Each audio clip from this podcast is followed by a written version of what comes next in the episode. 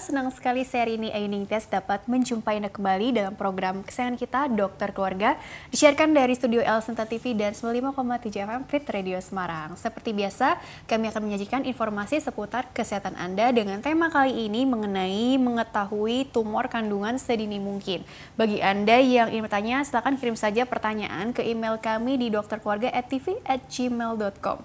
Acara ini juga bisa dinikmati di Spotify Dokter Keluarga ya. Dan kali ini pemirsa, kita kehadiran dengan Dr. Triskawati Indang Dewi SPOGK. Beliau adalah dokter spesialis kebidanan dan kandungan konsultan dari Rumah Sakit Hermina Bekasi. Kita sapa dulu Dokter Indang panggilannya ya.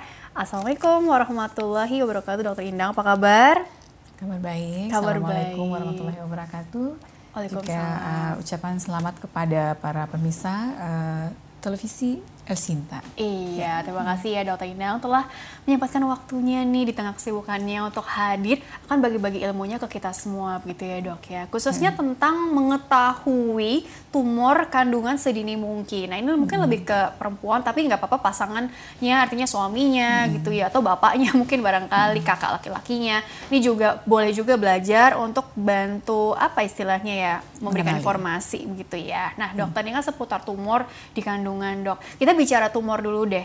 Perempuan nih, artinya secara umum deh, kalau dengar tumor kandungan itu kan pasti khawatir ada rasa cemas juga. Ini sebenarnya kan tumor nih ada yang jinak, ada yang ganas gitu ya. Jadi sebenarnya kan sesuatu yang sebenarnya jangan terlampau cemas dulu ya. Pengertian dari tumor itu sendiri seperti apa dokter supaya kita satukan persepsi dulu supaya kita nggak terlampau khawatir gitu ya. Iya. Baru mendengar namanya aja udah deg-degan atau apa gitu. Jadi tumor itu sebenarnya pengertiannya apa dokter? Tumor Oke. kandungan. Uh, ya kalau kita bicara mengenai tumor alat kandungan, sebenarnya kita itu uh, penekanannya pada dua kata itu. Pertama mengenai tumor, kemudian mengenai alat kandungan. Oke. Oke ya, mengenai tumor itu sebenarnya pengertiannya memang selama ini agak tumpang tindih ya masyarakat awam. Apa itu disebut dengan tumor, apa disebut dengan kanker, kemudian ada lagi pengertian tentang kista dan Nah, miom ya. oke. Uh, uh. Jadi uh, sekarang kita bahas dulu satu persatu misalkan mengenai tumor dulu. Nah, ini kita lihat ya mengenai ada di slide muncul uh, istilah tumor dan alat kandungan. Mungkin uh, slide-nya juga bisa selanjutnya. Coba. Ya. Ah. Oke, kita mulai dulu dengan alat kandungan kali Mbak Rini ya. Di sini kita lihat alat kandungan pada perempuan itu itu ada bagian eh, vagina, kemudian rahim. Rahim itu kita bedakan atas dua. Daerah leher rahim, nanti ada cervix namanya itu. Kemudian daerah badan rahim sendiri itu disebut uterus. Uterus dan cervix. Iya, oke itu sebenarnya bagian dari rahim. Kemudian ada indung telur kita sebut sebagai ovarium. Kemudian ada saluran telur yang kita sebut sebagai tuba falopii. Nah ini kita lihat yang gambar di sebelah kirinya itu menggambarkan uh, badan kita dari sisi samping kalau kita lihat. Nah kalau kita belah kita lihat itu yang bulat gambarnya seperti buah pir itu adalah rahim. Nah, terus kemudian yang di atasnya itu indung telur. Jadi kalau perut kita di sebelah depan itu itu indung telur yang sebelah kiri yang kita lihat. Nah, kemudian di depan rahim itu menempel itu kantong itu adalah mm, kandung kencing. Bisa lihat ya. Kemudian di belakangnya usus. Ya, ini perlu kita ketahui untuk nanti kita mengerti bagaimana posisi eh, sebuah tumor itu dan apa pengaruhnya terhadap saluran kencing dan juga saluran cerna. Oke, jadi Sementara gambaran itu, ya iya. ini sistem reproduksi wanita seperti ini gitu ya. Ha-ha. Tapi tumor itu sendiri berarti apa? Eh, kan apakah berupa benjolan yang kalau ini kan Oke. teraba dari luar. Kalau yang ini kan di dalam organ. Nah, Iya. tergantung lokasinya juga atau bagaimana dokter? Iya, benar. Ya, Ada jadi- slide selanjutnya barangkali Iya, juga. ha, ha, ha. Hmm. Jadi eh, terus kita ini kita mengenali dulu tadi alat kandungan, sudah kenal alat kandungan, kita masuk lagi ke dalam istilah tumor. Nah. Ini ya, jadi apa itu tumor, apa itu kanker, kista ya. Jadi tumor itu sebenarnya pengertian secara umum. Oke. Jadi secara umum semua benjolan yang tidak normal di badan kita itu kita sebut sebagai tumor. Nanti tumor ini mempunyai nama sesuai dengan eh, tempatnya, posisinya. Misalkan dia ada di kulit, kita suka ada di kulit itu ada benjolan, mungkin eh, yang kita gampang mengerti misalkan kutil misalkan. Kutil itu juga sebenarnya termasuk tumor Termasuk karena dia tumor benjolan yang tidak normal yang ada di badan kita. Oke. Kemudian kalau misalkan nanti ada pembuluh darah gitu di pembuluh darah itu juga bisa menjadi tumor ya jadi na- namanya ya tumor pembuluh darah. Nah kalau di kandungan kita kalau di rahim itu kita sebut ada miom. Ah. Kemudian kalau di indung telur kita sebut itu adalah kista. Jadi kista itu nanti dia merupakan kantong berisi cairan dan adanya di indung telur maka namanya kista. Kemudian sifatnya tumor itu sendiri baby, uh, ada dua macam ya, terutama uh, tumor jinak dan tumor ganas. Tumor jinak itu sifatnya dia uh, terlokalisir, uh, tidak men, uh, apa tidak uh, menginvasi jaringan sekitar. Jadi kalau kita tidak umpamakan Uh, uh, kita umpamakan misalkan seperti ini benjolan, hmm. ini organ sekitar. Jadi kalau tumor itu membesar, dia tetap di tempatnya, dia tidak masuk ke dalam organ sekitarnya. Hmm. Itu tumor jinak. Tapi kalau tumor ganas dia mempunyai sifat dia menginvasi jaringan sekitar. Hmm. Jadi kalau ini tumor, ini jaringan sekitar, dia membesar, kemudian dia menginvasi masuk ke jaringan sekitarnya. Mm -hmm. Itu sifat dari tumor ganas. Atau dia bisa menyebar ke organ jauh. Dia bisa menyebar kalau dia ada di rahim, dia bisa menyebar ke paru-paru -hmm. misalkan ya. -hmm. Itu jadi sifat penyebarannya bisa jauh. Jadi itu yang membedakan antara tumor jinak dan tumor ganas. Okay. Dan tumor ganas ini kita kenal dengan istilah kanker. Mm -hmm, nah, jadi sekilas kita udah bisa membedakan istilah tentang apa itu tumor, apa itu kanker, apa itu miom dan apa itu kista. Jadi jangan ketukar-tukar ya, ada miom, ada kista. Kista tadi yang berupa uh, cairan gitu isinya cairan, begitu ya, ya, ya. Uh -uh. Oke, jadi mungkin slide selanjutnya lagi mm-hmm. karena banyak yang bertanya apa sih bedanya miom, kista, polip lah apa ditanya-tanya gitu okay. ya. Nah, ini, ini gambar yang berikutnya lagi? ini hmm. menggambarkan secara sekilas saja. Hmm. Itu ada vagina ya. Jadi kalau uh, penyakitnya di vagina kita sebut dengan kanker vagina hmm. misalkan ya. Kemudian itu yang daerah serviks, ujung dari rahim, uh, itu yang paling terkenal sepertinya. Jadi kalau ada uh, penyakit di situ ya kita sebut sebagai kanker serviks. Mm -hmm. Kemudian nanti ada badan rahim, kalau ada tumor di situ atau kanker di situ kita sebut dengan kanker rahim. Okay. Jadi dibedakan antara kanker serviks atau kanker rahim.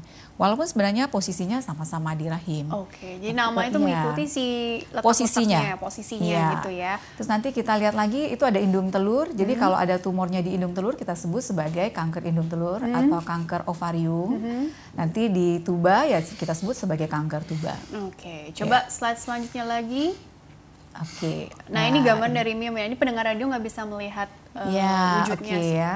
Nah sekarang kita lihat dulu satu persatu. Misalkan di rahim, mm -hmm. uh, ini ada tumor jinak di rahim. Mm. Yang ini jinak ya? Iya jinak. Ini oh. cukup populer ya di yeah. antara uh, para ibu ya.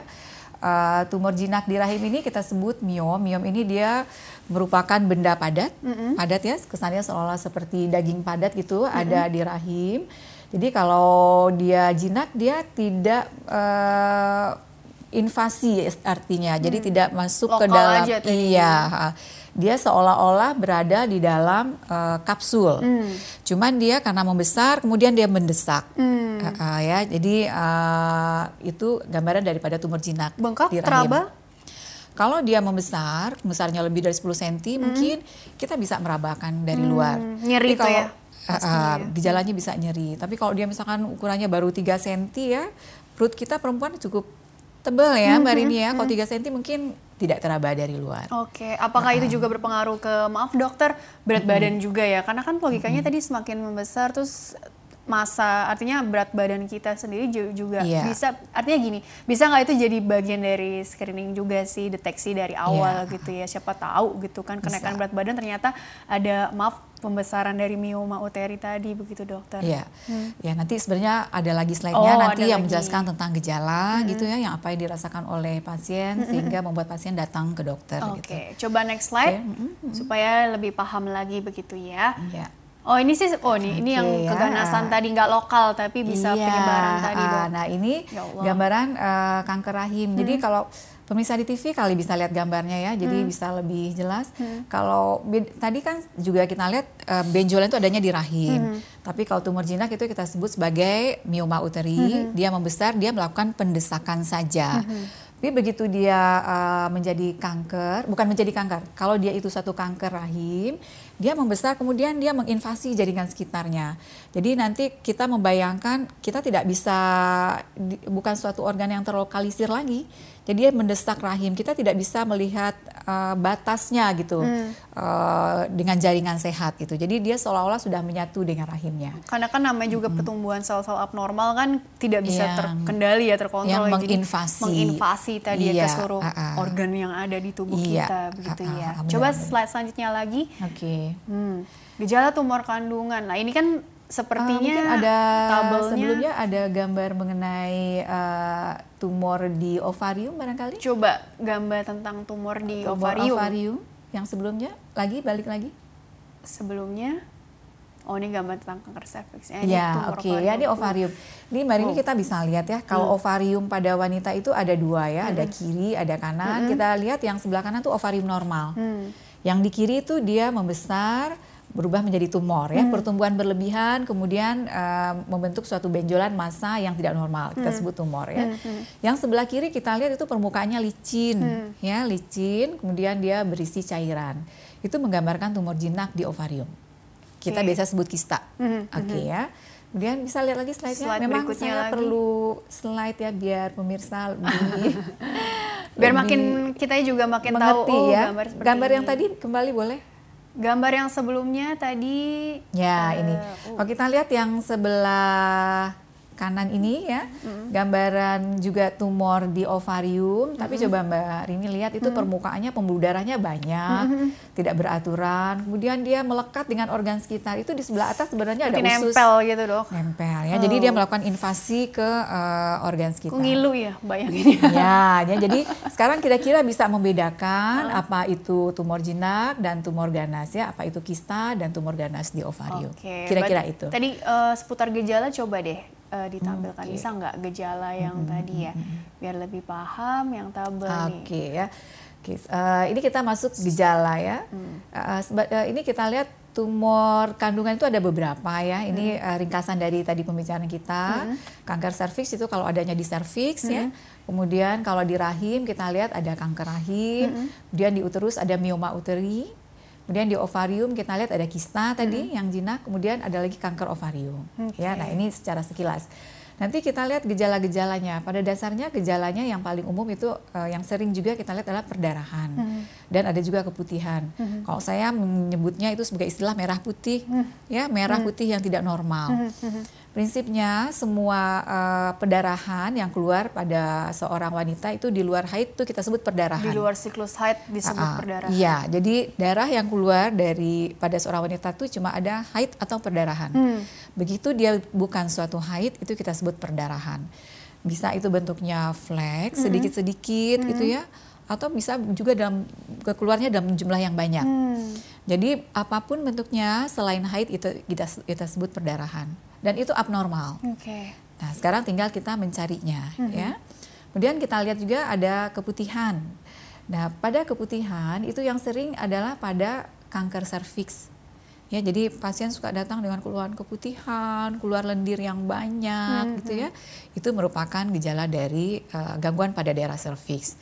Sedangkan kita lihat pada rahim, pada mioma uteri, pada kista ovarium itu jarang sekali keluhan keputihan. Oke, jadi memang yeah. gejala itu tergantung dari penyebab utamanya apa ya. Kalau yeah, kanker organ mungkin, mana yang terkena. Iya, tadi kan yeah. faktor resiko dilihat juga hmm. usianya juga hmm. atau mungkin uh, apa aktivitas, artinya faktor lingkungannya juga bagaimana segala macam gitu ya dok. Hmm. Ya, tapi begini dokter, sebelum kita masuk ke, ini saya mengalami tumor maaf jinak atau ganas gitu ya dok ya. Tentunya hmm. kita kan pasti bertanya-tanya mengapa sih ada orang yang mengadopsi katakanlah gaya hidup yang sama begitu ya. Tapi di orang ini dia timbul tumor tapi di orang yang satunya enggak gitu ya. Sebenarnya kalau dilihat dari faktor internal dan eksternal kira-kira apa sih yang turut mempengaruhi mengapa seseorang jadi lebih rentan ter, uh, mengalami tumor jinak lah katakanlah bukan yang ganas ya? Mm-hmm. ini uh, ada bakat-bakatan juga atau bagaimana istilahnya supaya kita juga enggak menyalah-nyalahi diri sendiri juga atau apa begitu dokter? Kira-kira bagaimana itu Ya, sebenarnya uh, teori tentang tumor itu kan banyak sekali ya. hmm. ya. Sampai sekarang para ahli masih mencari okay. gitu uh, teori uh, apa sih penyebab tumor ini gitu. Ya, jadi uh, dikatakan kita belum bisa menemukan secara pasti penyebab hmm. tumor Makanya sebenarnya belum ada pencegahan untuk suatu tumor gitu. Begitu ya dok ya? Ya, ada tapi pencegahan istilahnya. Tapi kita uh, mengenali gitu, hmm. mengenali faktor-faktor risiko hmm. gitu lah. Dari situ kemudian berkembang ilmu, mengajarkan kita bagaimana cara kita uh, mengenali secara dini, hmm. kemudian mencegah uh, jangan sampai udah sampai stadium lanjut baru kita datang meminta pertolongan gitu. Lebih dominan mana dok dari faktor resiko? Artinya dari kesekian misalkan ada apakah usia atau mungkin juga kita nggak tahu ya pola yeah. pola makan misalkan yeah. atau pola apalagi gitu yang kita yeah. tidak tahu ternyata turut mempengaruhi. Apalagi kan makin ke sini kan makin banyak nih uh, muncul ya. Iya, kejadian-kejadian kejadian-kejadian kasus-kasus baru gitu ya. Hmm. Ya. Ya sebenarnya uh, dikatakan berawalnya dari faktor genetik ya. Jadi hmm. ada perubahan dari sifat suatu sel hmm. yang memang sudah dipunyai oleh seseorang, okay. tapi kemudian karena faktor-faktor luar, hmm. uh, kemudian faktor luar yang terus menerus hmm. yang makin makin lama makin banyak, kemudian akhirnya mencetuskan uh, terjadinya terbentuknya tumor tersebut gitu loh. Hmm. Jadi sebagai contoh misalkan uh, seseorang yang uh, misalkan ini ya, misalkan tumor payudara, misalkan ini hmm. agak melenceng sedikit. Hmm. Seseorang itu dia sudah mempunyai uh, sel yang uh, istilahnya dia mempunyai uh, bakat gitu, tapi dia belum tercetus sebenarnya hmm. untuk menjadi tumor. Hmm. Tapi kemudian karena pengaruh faktor dari luar hmm. yang sering terus menerus.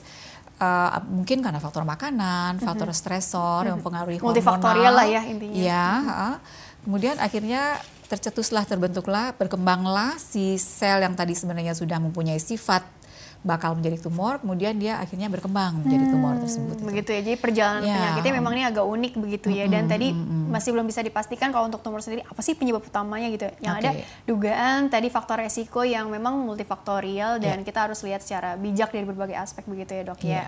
Oke kita jeda dulu sebentar ya, nanti dilanjutkan kembali di segmen selanjutnya ya dok ya. Baiklah pemirsa, jangan ke mana-mana, tetaplah bersama kami. Kami akan kembali sesaat lagi. Ya pemirsa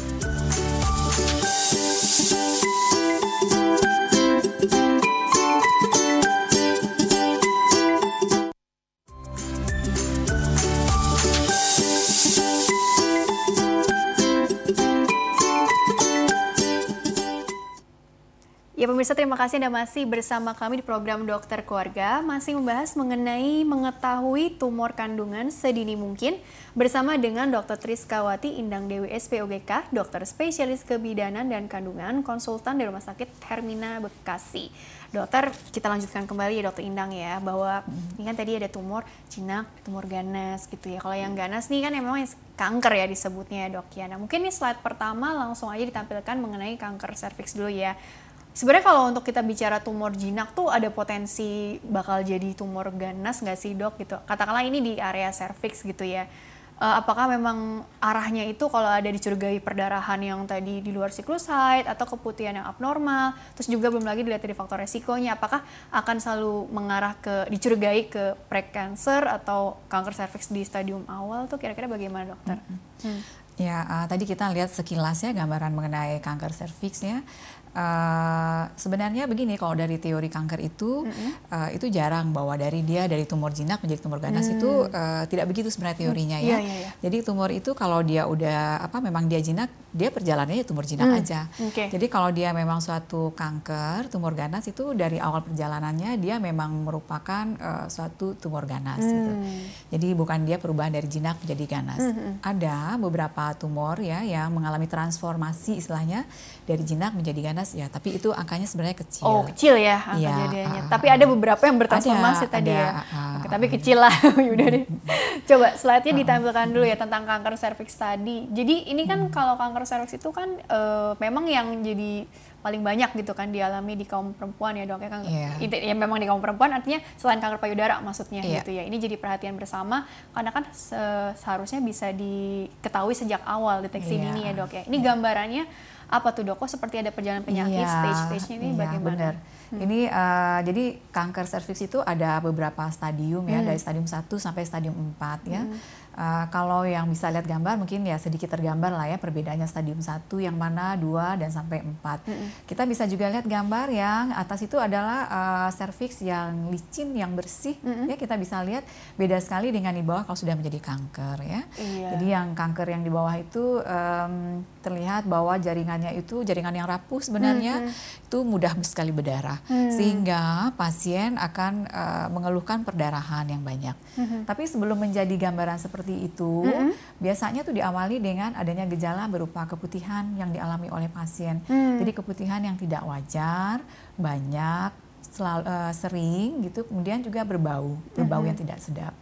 Jadi kalau uh, pasien merasakan keluhan seperti itu ya tentu anjurannya datang berobat, memeriksakan diri sehingga bisa dideteksi adanya kelainan tersebut. Mulai dari kelainan itu masih awal, kalau bisa ya uh, sudah diketahui gitu. Selain keputihan apakah mungkin ada nyeri-nyeri di saat uh, apa ya berhubungan dengan pasangan yeah, maaf ya uh -uh. atau mungkin juga ada keluhan lain yang sebenarnya hmm, ini perlu diperiksakan juga lebih lanjut begitu dokter karena yeah. takutnya terlampau uh, cuek gitu ya orangnya hmm. kan bisa aja kan hmm. datangnya terlambat gitu kan hmm. udah stadiumnya udah wah udah lanjut, lanjut gitu ya, hmm.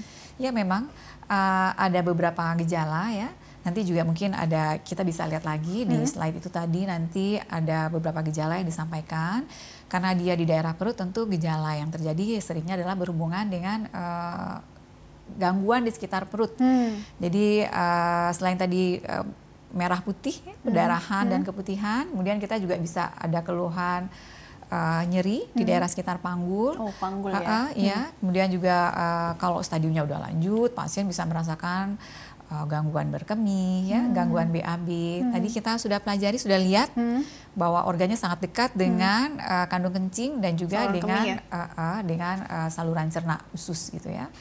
Kemudian keluhan yang lain kalau dia sudah berat ya tentu penurunan berat badan, hmm. keluhan yang sifatnya lebih sistemik misalkan mual gitu. Itu kanker secara ada. umum begitu ya dok ya, iya. hmm, sistemik tadi ya. Coba hmm. slide selanjutnya lagi tentang apa barangkali, apakah tentang gejala atau apa uh, ini? Ya boleh setelah slide yang coba. tadi. Coba.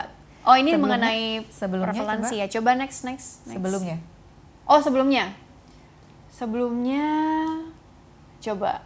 Lagi sebelumnya lagi yang uh, the apa tabel-tabel kali yang tabel-tabel ini seputar pemeriksaan begitu ya dok ya. Oke sambil menunggu tentang pemeriksaan itu sendiri memang harus dipastikan dengan uh, pemeriksaan penunjang tentunya dok ya. Kalau memang tadi uh, perempuan ini dikatakan ada keluhan-keluhan seperti itu, jangan ditunda-tunda untuk melakukan pengobatan. Apalagi di tengah pandemi ini mungkin ada rasa takut untuk keluar rumah atau apa barangkali. Tapi kalau memang sudah bleeding, ada merah putih tadi uh, keputihan yang abnormal, memang tidak apa ya tidak sewajarnya ditunda-tunda gitu ya dok mm -hmm. ya pengobatannya karena itu bersifat urgent barangkali ya dok yeah. ya oke coba slide-nya bisa ditampilkan dulu lagi nggak oh ini gambaran ya, tentang sebelumnya sebelumnya tampilan tadi. cervix atau leher rahimnya ya coba ah, yang ah, sebelumnya ini kalau mm, mm. Oke, masih lama ya, ya nyarinya ya. Oke deh. Soalnya filenya banyak gitu ya, Dok ya. Tadi uh, intinya sih untuk perjalanan penyakit dari kanker serviks itu sendiri kan juga butuh waktu yang bisa dibilang panjang, kan panjang iya, gitu ya, Dok ya. Sebetulnya kalau di awal ini ada istilah lesi pra kanker, kanker kan. Iya. Nah, ini untuk mengetahuinya memang tadi kan ada iya. tabel pemeriksaan hmm. juga gitu ya, Dok ya. Iya. Paling nggak dengan apa sih, Dok? Kita langsung jadi ngomongin pap smear dong atau apa? Iya. ini perjalanan alamiah iya. penyakit kanker lahir rahim. Boleh nggak apa-apa kita bicaranya pokoknya iya. secara umum mengenai kanker kanker iya, ya. Iya. Memang sih kalau pada perempuan itu kanker yang paling terbanyak kan kanker payudara hmm. ya. Tapi kalau uh, pada alat kandungan yang terbanyak adalah kanker serviks hmm. memang. Jadi hmm. dan dikatakan kanker serviks itu kan angka kematiannya cukup tinggi hmm. sehingga itu menjadi perhatian yang sangat ya bagi kita uh, tenaga kesehatan. Uh, khususnya di bidang kanker pada wanita ini uh, memberikan penekanan sekali untuk uh, kanker serviks ini gitu. Karena dikatakan kan angka kematiannya cukup tinggi. Hmm. Di Indonesia itu mencapai lebih kurang 20 perempuan ya meninggal ya karena kanker setiap hari. Setiap harinya. Ya, jadi kalau kita hitung-hitung lebih kurang satu orang meninggal setiap jam hmm. karena kanker serviks. Jadi itu menimbulkan keprihatinan yang sangat besar. Angka kematian, angka iya, kesakitan iya, gitu ya, menurunkan kualitas hidup si perempuan ini sendiri iya, begitu uh, ya, Dok ya. Uh, uh. Nah, jadi uh, sementara sebenarnya kanker serviks ini uh, ilmu tentang kanker serviks ini sebenarnya sudah cukup uh, baik gitu ya. Hmm. Kita sudah bisa mengetahui penyebabnya. Kita tahu penyebabnya adalah virus, infeksi virus, hmm. sehingga kita bisa mempelajari proses perjalanan penyakit ini. Hmm. Dari situ berkembang ilmu bahwa kita ada banyak hal yang bisa kita lakukan untuk mencegah hmm penyakit ini atau mengetahui penyakit ini sedari dini atau hmm. kemudian mengobatinya gitu. Hmm. hmm, hmm. Jadi uh, sayang sekali kalau misalkan kemudian angka kesakitan, hmm. angka kematian karena kanker serviks ini tidak berkurang. Hmm. Jadi uh, tadi kalau dari slide sebenarnya kita bisa lihat ya perjalanan kanker serviks itu mulai dari infeksi sampai menjadi kanker itu sebenarnya butuh waktu yang sangat panjang. Belasan tahun. Iya, jadi tidak seperti penyakit flu, hmm. kita terinfeksi sekarang besoknya langsung pilek gitu. Hmm. Tidak seperti seperti itu. Jadi saat ini kita terinfeksi virus, kemudian menjadi kanker itu butuh waktu antara 3 sampai 17 tahun. Hmm, hmm. Bayangkan 17 tahun itu waktu yang sangat panjang bagi kita untuk bisa melakukan sesuatu. Hmm, hmm, hmm. Apa yang terjadi selama 17 tahun itu? Yaitu terjadi perubahan-perubahan pada leher rahim. Hmm. Itu yang disebut sebagai lesi prakanker. Okay. Ya, jadi lesi prakanker itu pun ada uh, tahap-tahapannya. Jadi ada uh, prakanker level 1, level 2 dan level 3 dan itu perjalanannya panjang. Hmm. Dalam perjalanan yang panjang itulah tempatnya kita melakukan deteksi deteksi dini. Yeah. Berupa apa? Di antaranya sekarang kita sebut sebagai pap smear. Atau Betul. mungkin juga tadi sebagai upaya pencegahan tadi membangun kekebalannya ini sendiri dengan apa nih va vaksin, vaksin HPV yeah. tadi ya, yeah. human papilloma virus gitu. Jadi kan supaya kan anak-anak SD zaman sekarang juga udah mulai ya tuh ya dok yeah. ya, udah masuk ke program pemerintah juga. Ini Betul. oh kita jadi bicara kanker serviks nih ya secara yeah. umum. Yeah. Tapi pada prinsipnya jadi kan tadi perlu diketahui bahwa tumor itu ada dua ya, sifatnya jinak dan ganas dan sebenarnya begini dokter, uh, mungkin ada pemeriksaan rutin apa sih yang bisa dilakukan oleh kaum perempuan, entah dia ada gejala atau enggak ya, karena kan hmm. biasanya kalau nggak ada gejala kita nggak ada niatan, nggak aware, nggak hmm. ada keinginan gitu iya. untuk periksa juga gitu. Tapi maaf aja, tapi perjalanan penyakit tadi kan bisa aja hmm. silent di awal-awal, nggak ada iya, gejala bener. khas. Nah kan kita nggak mau terjebak dalam situasi yang seperti itu ya. Jadi hmm. pada prinsipnya ada nggak sih pemeriksaan rutin juga yang istilahnya nih untuk mengetahui uh, ada kita ada tumor nggak? Mungkin ukurannya masih kecil kecil nih terus letaknya mungkin di sini kan kita pikirannya ada plan mau apa hamil atau enggak ke depannya kan jadi harus luas nih cara berpikirnya sebagai okay, perempuan iya. bagaimana itu dokter? Ya memang uh, tumor yang di dalam perut memang kan nggak bisa kita lihat secara langsung iya. ya jadi harus ada caranya untuk mengetahuinya gitu mm -hmm. memang dianjurkan kalau pada perempuan itu melakukan yang disebut dengan check up ya. Hmm. Kan check up itu normal ya setahun sekali lah minimal hmm. kita lakukan. Termasuk di antaranya adalah pemeriksaan uh, alat kandungan. Hmm. Tapi ada kelompok-kelompok resiko tinggi ya kelompok hmm. tertentu yang memang dianjurkan lebih untuk dalam melakukan pemeriksaan. Hmm. Siapakah mereka yang termasuk dalam kelompok resiko tinggi ini, hmm. gitu ya? Uh, tentunya adalah mereka yang mempunyai anggota keluarga hmm. yang ada riwayat hmm. uh, menderita tumor okay. atau kanker ini gitu. Contohnya Ibunya ya misalnya. Ya, jadi uh, misalkan tumor ovarium. Hmm. Ya, yang dianggap kelompok risiko tinggi adalah mereka yang mempunyai garis keturunan yang segaris, segaris. langsung. Hmm. Segaris dari atas ke bawah okay. itu dari nenek, ibu, hmm. si penderita ataupun anaknya hmm. ataupun cucunya hmm. gitu. Hmm. Atau yang garis linier. Okay. Linier itu bersaudara saudara-saudara perempuan. Mm-hmm. Bagaimana dengan tantenya gitu kan garisnya udah agak agak belok dikit tetap aja gitu itu merupakan uh, termasuk dalam kelompok yang berisiko tinggi. Mm. Jadi pada mereka-mereka ini dianjurkan untuk melakukan uh, pemeriksaan yang uh, rutin. Rutinnya juga sebenarnya check up setahun sekali sih cukup sih sebenarnya. Dengan cara hmm. apa dok? Artinya kan ada yang belum menikah, ada yang sudah menikah gitu ya dok ya. Yeah. Apa cukup dengan USG perut gitu kan? Hmm. Atau memang agak berbeda nih dilihat hmm. dari kapan dia haidnya juga atau apa gitu? Intinya ada pengaruhnya hmm. juga nggak untuk evaluasi? Lebih ya tentu. Hmm? Uh, tentu ada beberapa cara ya uh, pemeriksaan ini ya, mulai dengan konsultasi pada hmm. dokter ya, uh, menceritakan ada riwayat keluarga atau segala macam sehingga dokter tuh udah bisa terarahkan gitu loh mm -hmm. mau uh, memeriksanya ke arah mana. Terus kemudian juga tentu pemeriksaan fisik ya, mm -hmm. dokter nanti akan melakukan pemeriksaan fisik, mm -hmm. melihat ada gejala, kemudian tentu pemeriksaan penunjang. Mm -hmm. Pemeriksaan penunjang yang umum dilakukan di sini di bidang ginekologi memang pemeriksaan USG mm -hmm. ya. Nanti pemeriksaan yang lain tergantung, mm -hmm. tergantung uh, si pasien termasuk kelompok mana. Seperti tadi uh, kelompok risiko tinggi misalkan. Mm -hmm uh, dengan riwayat keluarga ada yang menderita tumor ovarium. Itu sekarang sudah ada pemeriksaan genetik yang lebih canggih. Oh, ada juga ya. Ya, uh, itu. Tapi uh, belum umum ya dok ya?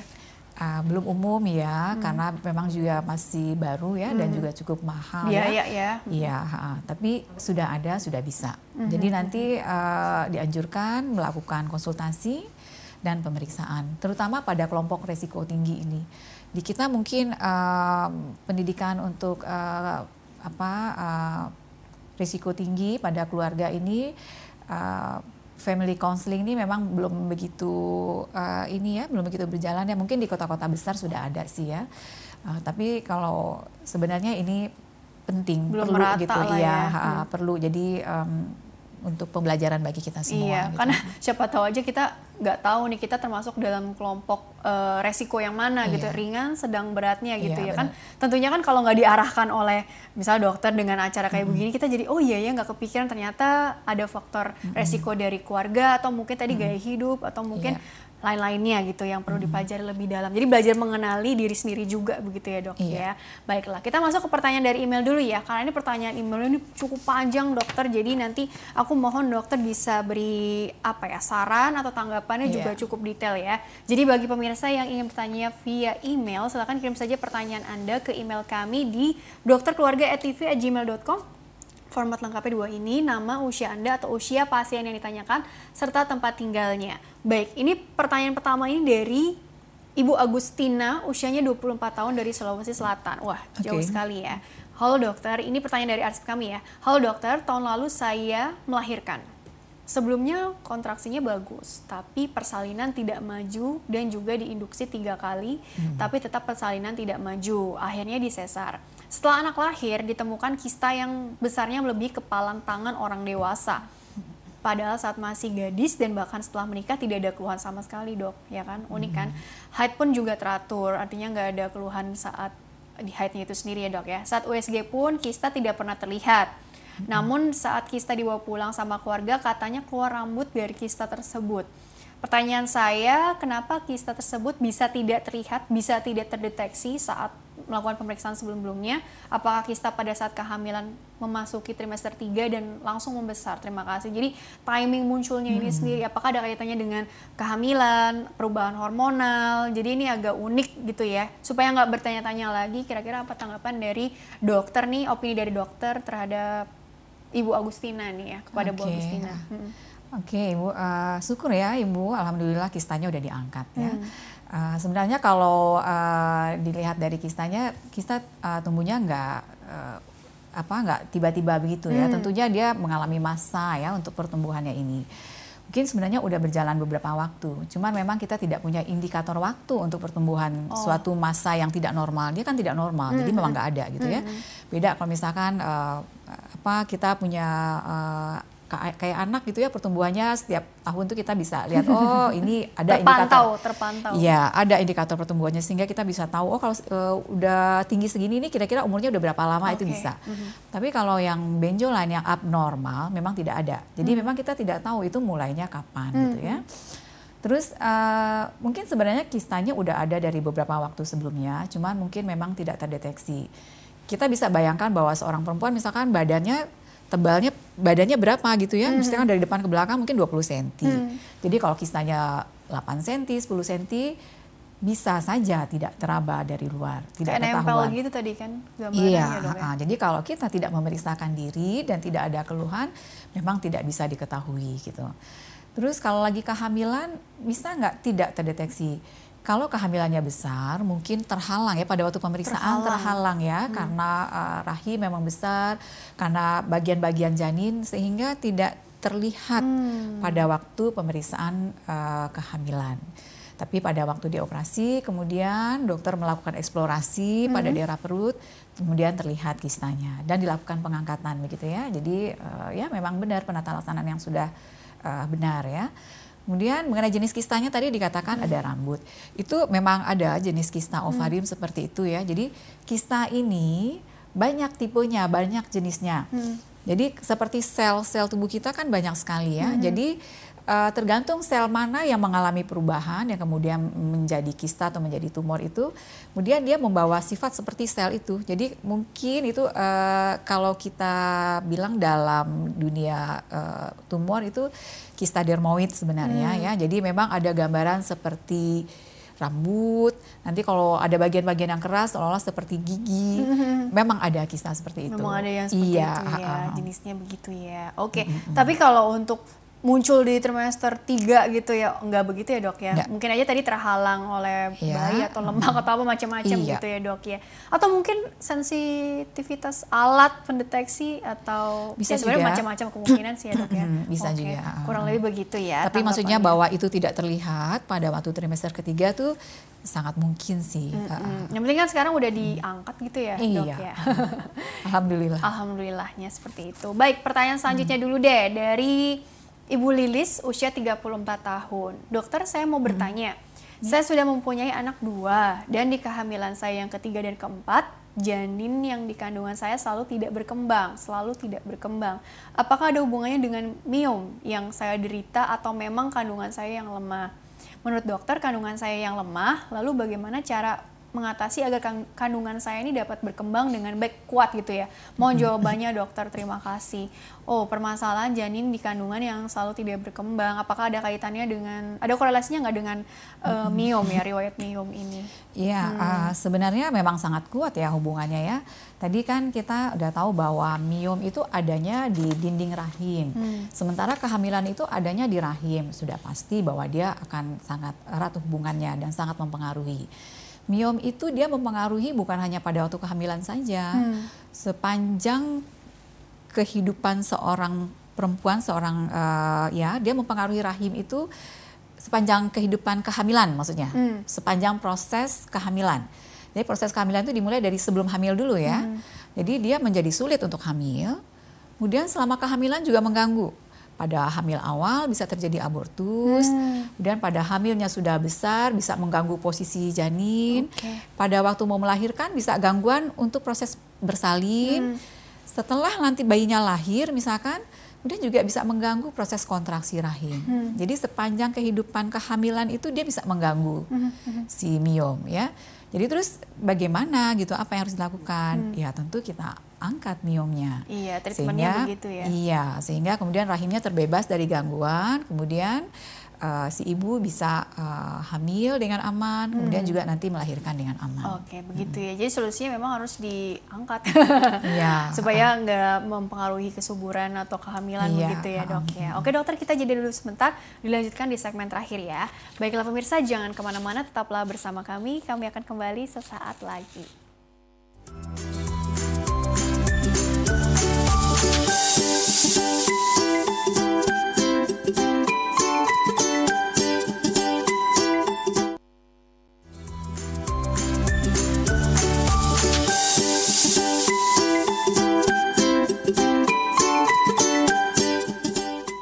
Ya pemirsa terima kasih Anda masih bersama kami di program Dokter Keluarga masih membahas mengenai mengetahui tumor kandungan sedini mungkin bersama dengan Dr. Triskawati Indang Dewi SPOGK, dokter spesialis kebidanan dan kandungan konsultan di Rumah Sakit Hermina Bekasi.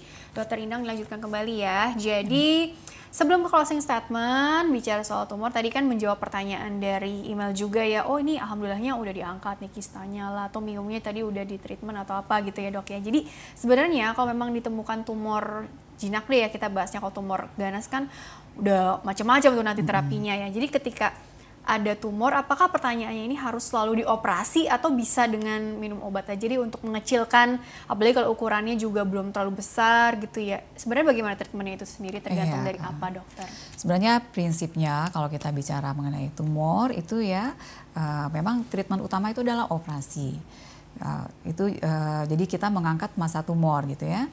Memang ada beberapa tumor yang uh, berhubungan dengan hormonal hmm. misalnya ya dan kalau dia kecil, memang bisa dicoba dulu untuk memberikan pengobatan. Hmm. Jadi uh, pada pasien-pasien yang memang uh, takut sekali operasi gitu ya, uh, pada tahap awal bisa diberikan pengobatan. Tapi sekali lagi ini biasanya sih hanya bersifat sementara, karena prinsipnya kalau tumor itu memang harus dioperasi. Hmm. Uh, sebenarnya nggak perlu takut juga ya karena sekarang teknik operasi sudah cukup baik hmm. ya fasilitas rumah sakit juga sudah cukup baik cukup bagus sehingga operasi uh, dianggap cukup aman gitu. Jadi terapi utama memang uh, operasi. Itu pada tumor jinak tumor ganas juga begitu. Yang utama adalah dilakukan tindakan operasi. Kemudian kalau pada keganasan, tumor ganas itu kita punya modalitas itu uh, selain operasi, kemudian uh, kemoterapi, operasi, kemoterapi, dan radiasi. Radiasi. Itu tiga tiga komponen itu hmm. uh, modal utama untuk terapi pada keganasan. Oke, kurang lebih begitu ya untuk treatment yeah. ya. Karena uh, pasti pertanyaan ini bisa ditunda atau enggak. Takutnya komplikasinya juga ya dok ya. Artinya yeah. kan apa bertambah besar Iya. atau tadi semakin mendesak terus keluhannya Iya. semakin berat gitu ya Iya. dok ya apalagi kalau yang keganasan tadi kan Iya. uber-uberan sama waktu nggak sih Sebenarnya tumor jinak juga ba- punya uh, gangguan juga sih. Tadi seperti kita lihat kan tadi kalau tumor kandungan letak kandungan dengan Posisinya uh, tadi uh, ya. posisinya dengan uh, kandung kencing, dengan usus itu kan sangat dekat ya. Iya. Ba- Memang menempel malahan ya. Jadi kalau misalkan miom di rahim kemudian dia besar dan mendesak uh, kandung kencing juga bisa mengganggu pengosongan uh, kandung kencing. Dan itu tentu mengganggu ya dari uh, adanya urin yang terkumpul di uh, kandung kencing itu bisa menimbulkan infeksi. infeksi saluran kemih Ya maksudnya. berbahaya kalau misalkan infeksinya kemudian naik ya, Ya kita Allah. sebut sebagai infeksi yang naik sampai ke ginjal ya. Jarang sih terjadi, tapi bisa terjadi. Bisa, Ah, tapi ya. ah, ya. Itu tumor jinak. Dan kalau tumor ganas tentu juga lebih berbahaya lagi kalau kita tunda ya. Jadi pertama dia invasinya ke organ sekitar ya. Jadi eh, kayak tadi misalkan dia di serviks ya. Dia ada tahapan kalau dia stadium awal dia bisa dioperasi. Tapi kalau stadiumnya meningkat, stadium lanjut itu kondisinya tidak bisa lagi dioperasi. Apalagi kalau dia sudah sampai nempel ke saluran kencing ya atau nempel ke kiri kanan itu tidak bisa lagi dioperasi. Tapi bisa nggak diobati? Tetap bisa diobati. Kita masih punya modalitas yang lain. Tadi kita sebut sebagai radiasi atau kemoterapi. Jadi pasien ya em, stadium berapapun ya tetap berobat. Tetap ada eh, pengobatan yang bisa diberikan. sampai tuntas gitu ya sesuai dengan tadi eh, jenis tumornya ukurannya letaknya dan Stadiumnya. ke- stadiumnya ya dan keluhannya pastinya Iya. seperti itu ya untuk meningkatkan kualitas hidup ya Iya. dan dokter eh, ini kan nggak bisa dicegah gitu ya mungkin barangkali bisa ini nggak dok untuk tipsnya aja kali ya supaya mengelola faktor resiko untuk perempuan aja nih gitu ya faktor Hmm. resiko yang ringan sedang ataupun berat baik itu tumor jinak ataupun tumor ganas kalau tumor ganas Hmm. mungkin kita lebih kencang lagi nih eh, mencegahnya dengan deteksi dini ataupun eh, program-program vaksin atau mungkin pap smear itu ya dijalankan dengan rutin atau tes yang apa tuh dok IVA ya IVA tes, ah, iya. iya jadi sebenarnya kalau kita bicara untuk preventif ya preventif secara umum untuk tumor jinak ataupun tumor ganas gaya hidup sehat yang seperti apa yang sebaiknya gitu ya eh, wajib kita jalankan begitu dokter sebagai seorang perempuan barangkali Iya, bagaimana ah. ya uh, sebenarnya ada sih uh, yang bisa kita lakukan untuk pencegahan ya. Hmm. Kalau untuk kanker serviks itu sudah jelas ya, sudah promosinya sudah cukup lumayan ya. Iya. uh, kampanyenya gitu tentang pencegahan kanker serviks gitu Hmm. ya bisa deteksi dini ya deteksi dini itu uh, bisa primer dan sekunder Nah. primer itu memberikan vaksin jadi benar-benar mencegah jangan sampai virusnya nempel Hmm. virus apa uh, kanker serviks itu dia sudah diketahui penyebabnya virus HPV ya. Mm-hmm. Jadi makanya uh, kita sebut uh, suatu per, uh, apa kemajuan keilmuan yang sangat baik gitu ya kita Mm. mengetahui. Jadi kita bisa melakukan pencegahan itu dengan pemberian vaksin. Mm-hmm. Tapi kalau misalkan kita ternyata sudah terinfeksi, kita belum bervaksin, apa yang kita lakukan? Yaitu tadi deteksi dini dengan melakukan pap smear. Mm-hmm. Itu pada kanker serviks.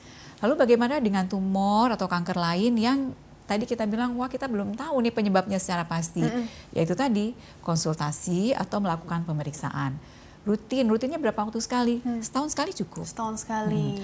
Atau kalau kita tahu bahwa kita berada pada kelompok resiko tinggi tentunya kita harus lebih hati-hati lagi Iya. gitu ya. Jadi mengetahui bahwa kita berada pada kelompok risiko tinggi. Jadi seperti yang ya kalau kita uh, simpulkan apa yang bisa kita kerjakan? Iya, itu tadi. closing statementnya dokter Ya. silakan Ya, jadi apa yang bisa kita lakukan ya? Hmm, di antaranya melakukan konsultasi, Iya. apalagi kalau kita merupakan eh, kelompok risiko tinggi. Di samping juga ya gaya hidup tadi beberapa kali ya disinggung, eh, tentunya gaya hidup sehat. Memang tidak bisa dipungkiri bahwa ada faktor-faktor luar yang memang benar bisa mempengaruhi untuk eh, pertumbuhan suatu kanker ya. Apakah itu makanan, terutama makanan ya. Jadi eh, makanan yang sehat makanan sehat yang bagaimana yang seharusnya itu standar aja ya. Tentunya yang eh, makanan yang segar, banyak serat ya. Terus eh, tidak mengandung kolesterol yang tinggi. Kemudian eh, ya ya yang sehat sesuai dengan Pola anjuran ahli gizi selama Hmm, ini ya, hmm. makanan yang seimbang seperti itu. Oke, baik Dokter Indah, terima kasih telah berbagi ilmunya di sini. Insya Allah membawa banyak manfaat untuk orang banyak. Sukses dan berkah selalu untuk Dokter Indang ya. Terima kasih. Ya. ya. Dan hmm. pemirsa terima kasih juga Anda telah mengikuti program ini. Saya Rini Ayu Ningtyas beserta seluruh tugas mohon undur diri dari hadapan Anda. Sekian dan sampai jumpa.